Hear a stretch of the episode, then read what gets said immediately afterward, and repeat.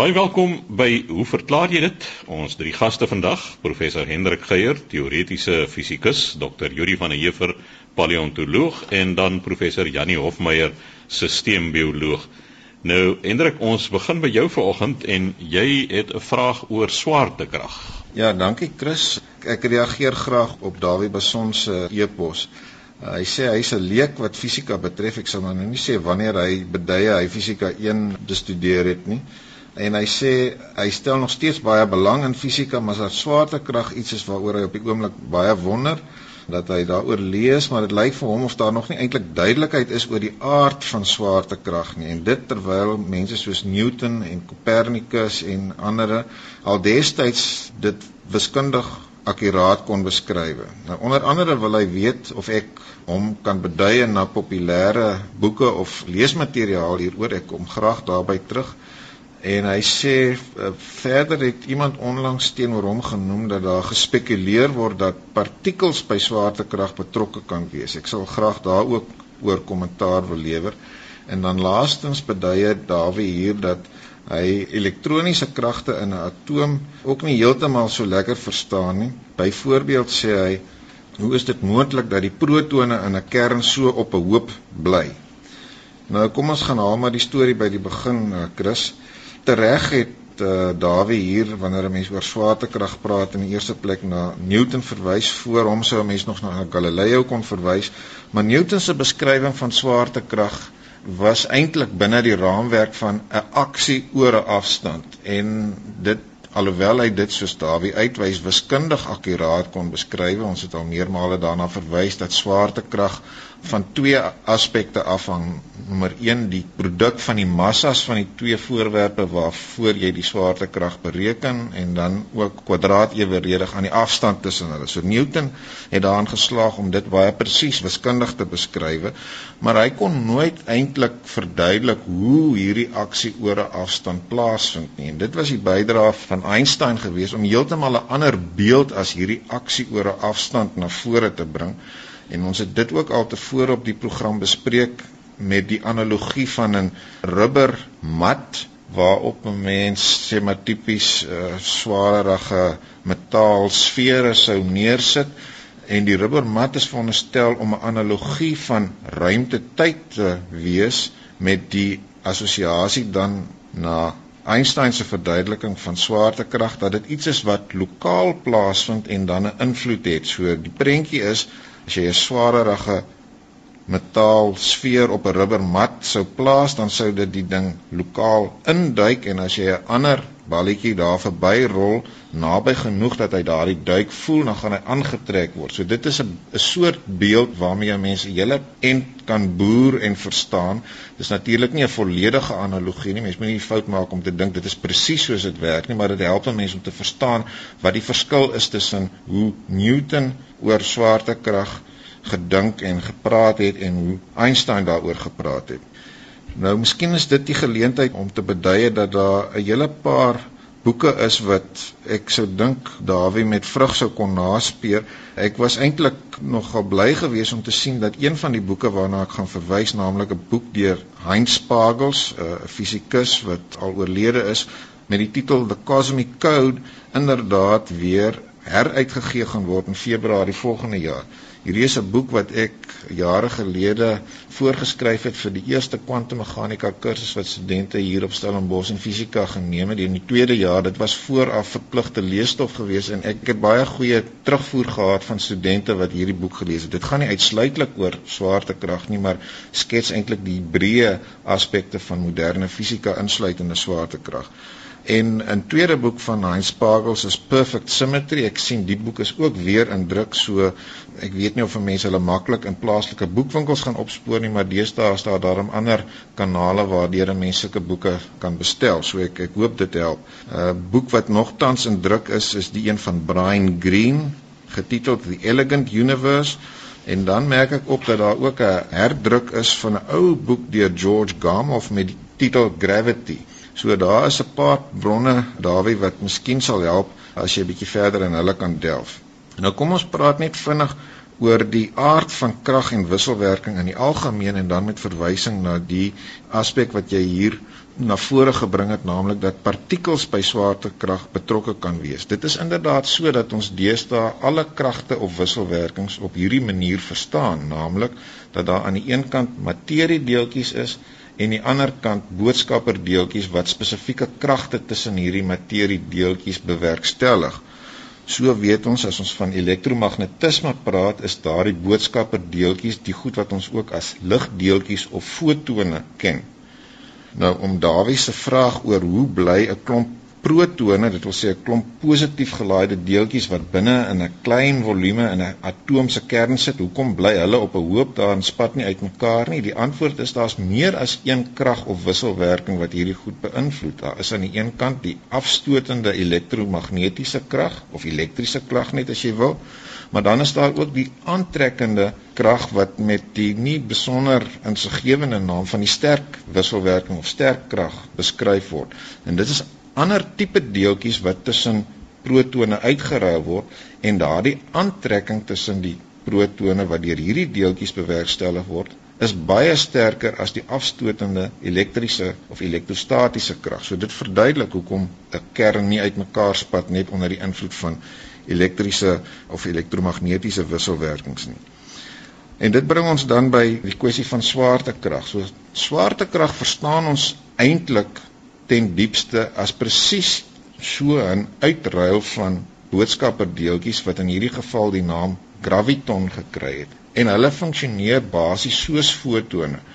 Nou anders as fotone waarvan 'n mens deesdae met die gevorderde lasertegnologie inderdaad enkele of individuele fotone kan maak en voorberei en bestudeer, is dit hoegenaamd nog nie moontlik met gravitone nie. So niemand het nog ooit 'n graviton gesien of waargeneem nie, maar alles binne die raamwerk van fisika dui daarop dat dit die basis is waarop gravitasie inderdaad bewerkstellig word. Nou ek moet sê daar is nie volledige eensstemmigheid hieroor nie. Daar is alternatiewe maniere wat nie hierdie beeld van boodskapperdeeltjies oftewel gravitone gebruik nie en wat op ander maniere oor gravitasie praat en verklaringe vir gravitasie na vore bring maar dit is tog 'n relatief algemeen aanvaarde beeld. Ek moet byvoeg dat soos by fotone en ons weet elektromagnetiese kragte en gravitasie of swaartekrag is goed wat omgekeerd eweredig met die kwadraat van 'n afstand afneem maar dit strek in beginsel oor oneindige rykwyte. Anders as die sterkrag waarvan ek nou pas gepraat het binne in 'n kern, die het net 'n eindige rykwyte. So die effek daarvan is nie buite die kern hoegenaamd sigbaar of meetbaar nie maar die effek of die rede waarom beide gravitasie en elektromagnetisme oor oneindige afstande tog werksaam is, het daarmee te maak dat die boodskapperdeeltjies massaloos is. Nou, ons het al tevore 'n slag hieroor gepraat. Dit is nie so 'n maklike konsep om jou kop om te kry nie, want 'n mens se eerste reaksie sou wees as iets massaloos is, dan bestaan dit nie. Maar dit is 'n gesprek vir 'n ander keer, Chris. Ek, ek gaan volstaan daarbey. Een reeks eksperimente wat wel op die oomblik al ver gevorder is om tog die effek van gravitone waar te neem is die reeks eksperimente wat probeer om sogenaamde gravitasiegolwe waar te neem. Ons het daaroor ook al 'n bietjie op hierdie program gepraat, maar 'n gravitasiegolf is eintlik die analogie van 'n liggolf wat uit baie in die geval van ligfotone bestaan en in die geval van 'n gravitasiegolf uit baie gravitone. Nou hierdie tipe eksperimente is veronderstel om steurings in ruimtetyd waar te neem. So aan die een kant veroorsaak die teenwoordigheid van 'n massiewe voorwerp 'n lokale buiging of kromming in ruimtetyd, maar as so 'n massa ook nog besig is om te versnel, dan kan dit as dit ware rimpels in ruimtetyd veroorsaak en dit is hierdie gravitasiegolwe. So 'n tipiese bron van gravitasiegolwe sou byvoorbeeld wees twee neutronsterre wat baie na aan mekaar is en mekaar wederzijds beïnvloed omdat hulle om mekaar beweeg is daar sprake van versnelling en die hoop is om hierdie tipe golwe op aarde waar te neem. So daar is in onder andere Kalifornië en ander plekke in Amerika ook in Europa is daar eksperimentele opstellings van geweldige lang meetarms tipies tans 2 tot 4 km lank met laserinstrumentasie wat so akkuraat kan meet dat jy as dit ware die wyte of dikte van 'n proton relatief tot daardie kilometer moet kan waarneem. So die idee is dat die hele apparaat wanneer so 'n gravitasiegolf verbykom, effentjies geskit sal word in die proses sal verleng en verkort en dat 'n mens 'n manier het om daardie verandering in lengte uiteindelik waar te neem. Maar as 'n mens daarna verwys dat ons praat hier van akkuraathede van 1 in 10 tot die mag 21, soos ek gesê het, ons praat van die wyte van 'n proton relatief tot 'n kilometer, dan is dit eintlik asemrowend om te dink dat sulke tegnologie reeds bestaan. Gravitasiegolwe is nog nie direk waargeneem of ten minste bevestigend waargeneem nie, maar die vooruitsig is dat dit binne die volgende paar jaar inderdaad moontlik gaan word. So Dawie, ek dink dit is miskien nie heeltemal korrek om te sê dat ons geen duidelikheid het oor die aard van swaartekrag nie. Ek hoop die inligting wat ek pas verskaf het werk daarom so 'n bietjie lig op wat ons inderdaad daaroor verstaan. En so sê professor Hendrik Geier en net hierna gaan ons voort met hoe verklaar jy dit?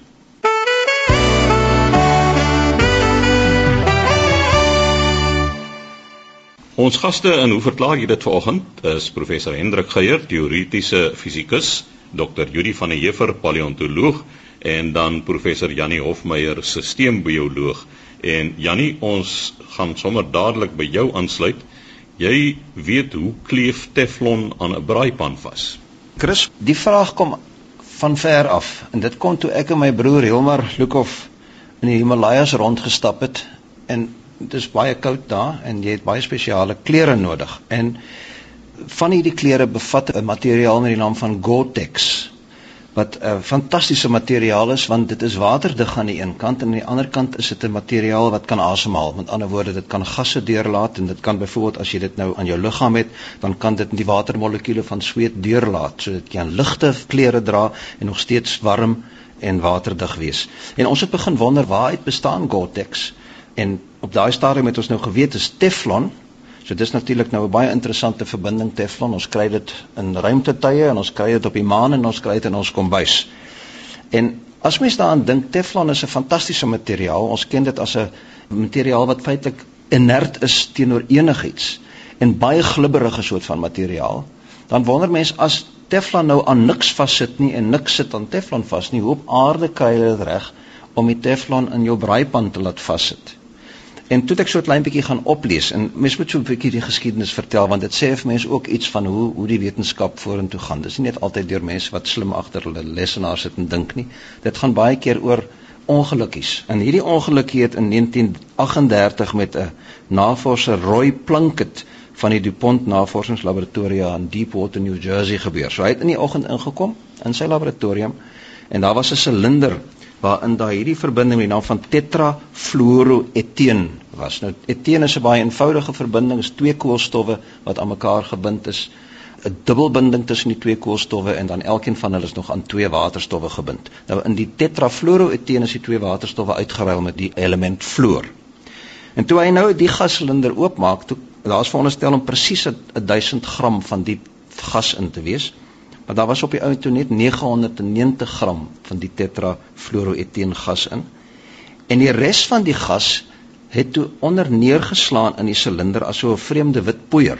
En toe hy nou begin om die goed te analiseer, toe sien hy maar dis 'n plastiek met uitsonderlike eienskappe. Hy kon nie regkry om enige oplosmiddel 'n effek daarop te laat hê. Totale al onoplosbaar. Nie deur hitte geaffekteer nie. Baie hittebestand, wou nie brand nie. Hy het warm vretende sure probeer, geen effek daarop gehad nie. Toe hy begin afkoel, toe sien hy dat die polimeer op daai stadium nog nie die naam gehad Teflon nie, is buigbaar selfs by temperature minus 240 grade.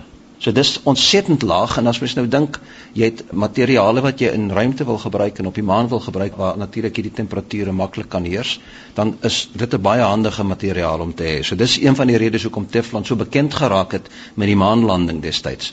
Maar eintlik het dit toe al lank al bestaan en is al lank al ook in die kombuis gebruik. En die gebruik in die kombuis is juis as gevolg van die feit dat dit 'n baie glibberige, baie homogene oppervlak vorm. So dit is 'n ideale oppervlak vir 'n pan Want die probleem met 'n pan wat aanbrand is gewoonlik dat daar klein onewerhedighede en gaatjies en so in die oppervlak van jou braaipan is en dis daar wat wat die aanbranding plaasvind. So dis 'n meganiese aanbrandproses van hitte. En as jy nou 'n baie inerte oppervlak het, gladde oppervlak, dan vind dit nie plaas nie. Dis natuurlik hoekom ons olie in 'n pan sit. Want as jy olie in die pan sit, dan maak dit al daai klein gaatjies toe en dit vorm 'n lekker gladde oppervlak Jy kan water ook gebruik, maar natuurlik jy gaan op die einde jy eiers sou probeer maak eintlik jy moet genoeg water bysit dan kry jy geposeerde eier plek van 'n gebakte eier. So olie werk baie beter om daai gladde oppervlak te vorm. So die vraag is dan as die teflon so ontsettend glibberig is en inert is en niks kan daaraan vassit nie en dit sit self ook nie aan iets vas nie, hoe kry hulle dit reg om nou die teflon aan die braaipan te laat vassit? En die storie gaan nou terug ook na die 1950s waar daar 'n persoon met die naam van Louis Hartman het hy met hierdie probleem geworstel. En die oplossing wat hy gevind het is, is om die metaaloppervlak van die pan met suur te behandel. En dit ets dan nou die oppervlak, vorm mikroskopiese gaatjies in die oppervlak van die pan. En as hy dit bedek met die polimeer, dan loop die polimeer binne die gaatjies in en heg. So die polimeer aan die pan vas. So hy bak dit vir 'n paar minute by 400 grade Celsius en dan set die polimeer en sit aan die pan vas. Daarna is daar allerlei ander metodes gevolg om dieselfde effekte. Hendrik het ons het daaroor gesels toe verwys hy na die groefies wat hulle sny met baie spesifieke vorm van die groefies sodat die as amper so 'n driehoekige groefie met die onderkant sodat die teflon binne in die groefie kan inloop en so vassit. En daar's 'n hele paar ander patente. Die interessante een wat nou deesdae baie gebruik word is om die metaaloppervlak van die pan te sproei met klein mikroskopiese druppeltjies gesmelte metaal wat dan onmiddellik set en dan sulke klein bultjies vorm op die oppervlak van die pan en as jy dan dit met 'n paar lae van die teflon bedek, dan sit dit nou baie goed aan vas. So eintlik bestaan hierdie tegnieke van teflon aan 'n pan vassit lank voor dit bekend geraak het so met Gore-Tex en met die maanlanding. Die Franse firma Tefal, die bemark eintlik hierdie nie klewende braaipanne al 10 jaar lank voor die maanlanding plaasgevind het.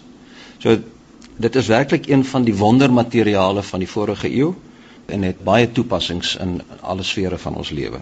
Dis interessant Janie, ek as ek nou reg onthou toe Ronald Reagan president van Amerika gewees het, het sy teenstanders voortdurend probeer om hom in die moeilikheid te bring of een of ander verkeerde daad of uh ongeoorloofde uitgawes aan hom toe te skryf en hulle kon nooit daarin slaag nie en ek dink dis hy wat toe die bynaam die Teflon president gekry het. Heeltemal reg. Ja.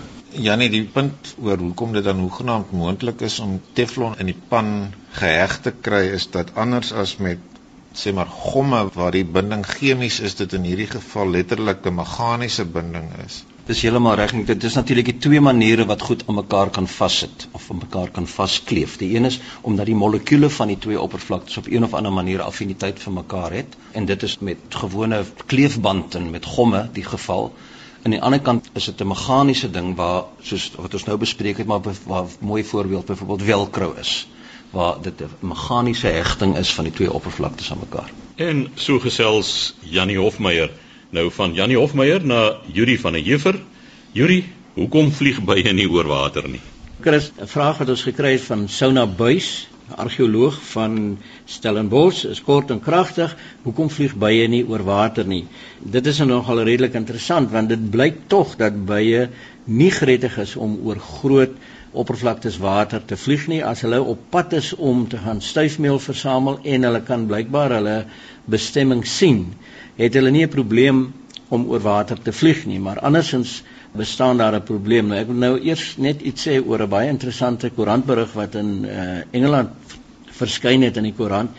'n Inkopiesentrum in Newcastle het besluit as 'n verkoopsfoefie gaan hulle op die dak van die platgebou gaan hulle baie korwe opstel en dan hulle eie heuning maak en dit verpak en dit dan verkoop. Die probleem egter is dat dit nou 'n stadsgebied is en daar's nie eintlik 'n voedingsplek vir die bye nie, so hulle moes 'n redelik eentjie wegvlieg om by die nodige stuifmeel en uh, diegene te kom. En dis ook 'n baie waterryke gebied, so daar's 'n redelike breë rivier wat hulle toe moes oorvlieg. En die saak is toe geopper hoe gaan die bye nou by hulle voedingsplek uitkom? Totdat 'n byekenner vir hulle daarop gewys het dat daar oor die rivier is daai baie brûe. En die bye sal dan outomaties van die brug gebruik maak om om oor te vlieg. Nou die rede hiervoor is dat baie kenners sê baie het 'n ingeboude GPS waarmee hulle hulle roetes bepaal en hoe hulle vlieg in die natuur. Maar die ding werk op 'n manier driedimensioneel sodat hulle terwyl hulle vlieg neem hulle ventraal van hulle self onder hulle neem hulle die geografiese gebied waar, maar dit is ook nodig dat hulle aan die kante moet 'n beeld opbou, 'n driedimensionele beeld van hoe die natuur links en regs van hulle lyk sodat hulle kan navigeer in hierdie omgewing. En as jy nou die bye forceer om oor water te vlieg, dan het hulle nou letterlik 'n plat oppervlak onder hulle en aan die kante is daar geen verwysingspunte nie en dit is al waargeneem dat bye wanneer hulle lang afstande oor water vlieg doodgewoon rigting buiste raak en in die water invlieg. So die rede hoekom hulle blykbaar nie daarvan hou om oor uitgestrekte stukke water te vlieg nie is dat hulle nie kan navigeer nie. Hulle moet 'n driedimensionele beeld van die omgewing hê waar volgens hulle vlieg. So sona dit lyk vir my dit is die antwoord. 'n uh, Interessante vraag en dan het ons 'n verdere vraag ontvang van ouma Fonnie Venter van Mpumalanga. En sy vra asseblief kan ons net bietjie gesels oor die groot ontploffing by Krakatoa. Nou ja, ons kan uh, maklik daaroor gesels. Ons het al in 'n vorige program ietsie daaroor gesê want dit was 'n ongelooflike vulkaniese ontploffing by hierdie eiland Krakatoa wat die eiland feitelik totaal vernietig het. Nou die eiland is in Indonesië gewees. En as gevolg van vulkaniese aksie is daar nou weer besig om struktuur rotse as gevolg van vulkaniese uitvloeiing te vorm. Maar die spesifieke plek lê tussen Java en Sumatra. En tussen die twee landgebiede lê daar 'n uh, stukkie oop see wat bekend staan as die seestraat van Sunda of die Sunda seestraat. Die ontploffing wat daar plaasgevind het was 'n vulkaniese uitbarsting en dit was van ongelooflike omvang die vulkaniese winter as mense dit sou kan sê as gevolg van die stof wat in die lug gewees het, het die aarde, die algemene temperatuur het afgeneem dink ek met so iets soos 1.2 grade en daar was so 'n vulkaniese winter vir omtrent 5 jaar na al hierdie goed gebeur het. En as mense wil dink hoe groot hierdie uitbarsting gewees het, daar word gesê dat 21 kubieke kilometer rots is in die lug gewerp. So die eiland wat 'n grootte gehad het van min of meer 9 by 5 km is feitelik totaal vernietig. Die wind wat ontstaan het daar, die stormwind as gevolg van die ontploffing, sê hulle het teen 1000 meer as 1000 km/h 7 maal rondom die aarde beweeg. Die klank van hierdie geweldige ontploffing was so hard geweest dat mense dit in Perth in Australië 3500 km verder gehoor het en daar word gesê dat op 'n eiland naby Mauritius, 'n eiland met die naam van Rodrigues of Rodrigues, 4800 km verder is die klank ook gehoor. Mense het gedink dit is soos 'n uh, geweerskote wat hulle op 'n afstand toe. Die tsunamies wat ontstaan het as gevolg van hierdie uitbarsting, die finale uitbarsting sê hulle was 30 meter hoog geweest. En die stofwolk wat om die aarde gestrek het, het gesorg vir 'n hele reeks pragtige sonsondergange vir 'n paar jaar na hierdie uitbarsting en die interessante ding is dat in die staat New York waar daar gewoonlik nooit hierdie rooi Afrika sonsondergange is nie, het dit so gereeld gebeur dat mense in die skeberaand as dit nou so rooi is op die horison dan bel hulle die brandweerstasie want almal het gedink dis vure wat ontstaan het. Die skokgolf van hierdie finale uitbarsting reken hulle het teen 1000 km/h meer as 1000 km/h getrek. So dit was 'n ongelooflike groot uitbarsting en dit het oor 'n hele tyd gebeur van die begin van die jaar af. Ek sal nou nou sê wanneer dit gebeur het.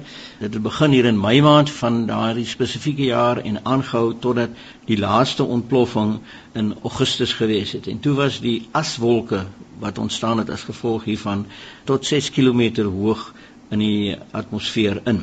Nou die res van die vraag wat ouma Fonnie vra is dat die uittog van die Israeliete uit Egipte uit en hierdie uitbarsting by Krakatoa kan dit enigsins in verband gebring word? Kon dit 'n invloed gehad het? En die kort antwoord hierop ouma is nee. Want die uitbarsting van Krakatoa was in die jaar 1883 gewees So dit is in die Victoriaanse tyd, koningin Victoria was op die troon in Engeland gewees en as 'n mens nou dink aan die uittog uit Egipte uit van die Israeliete, ek het nou met 'n reeks teoloë daaroor gesels. Hulle weet nie presies wanneer dit was nie. Dit word min of meer gesê deur sommige van hulle dat dit so 1200 1300 jaar voor Christus gewees het. So ons kan nou met vrymoedigheid sê dat die uittog van die Israeliete uit Egipte as dit wel gebeur het, was daarom so 3000 jaar voor die uitbarsting by Krakatoa. Die uittog was interessant geweest want die Bybelse verwysings daarna beweer dat dit omtrent 600 000 mense was wat getrek het. Ongelukkig is daar geen buitebybelse bewyse dat die Israeliete ooit in Egipte in slawerny gewees het nie.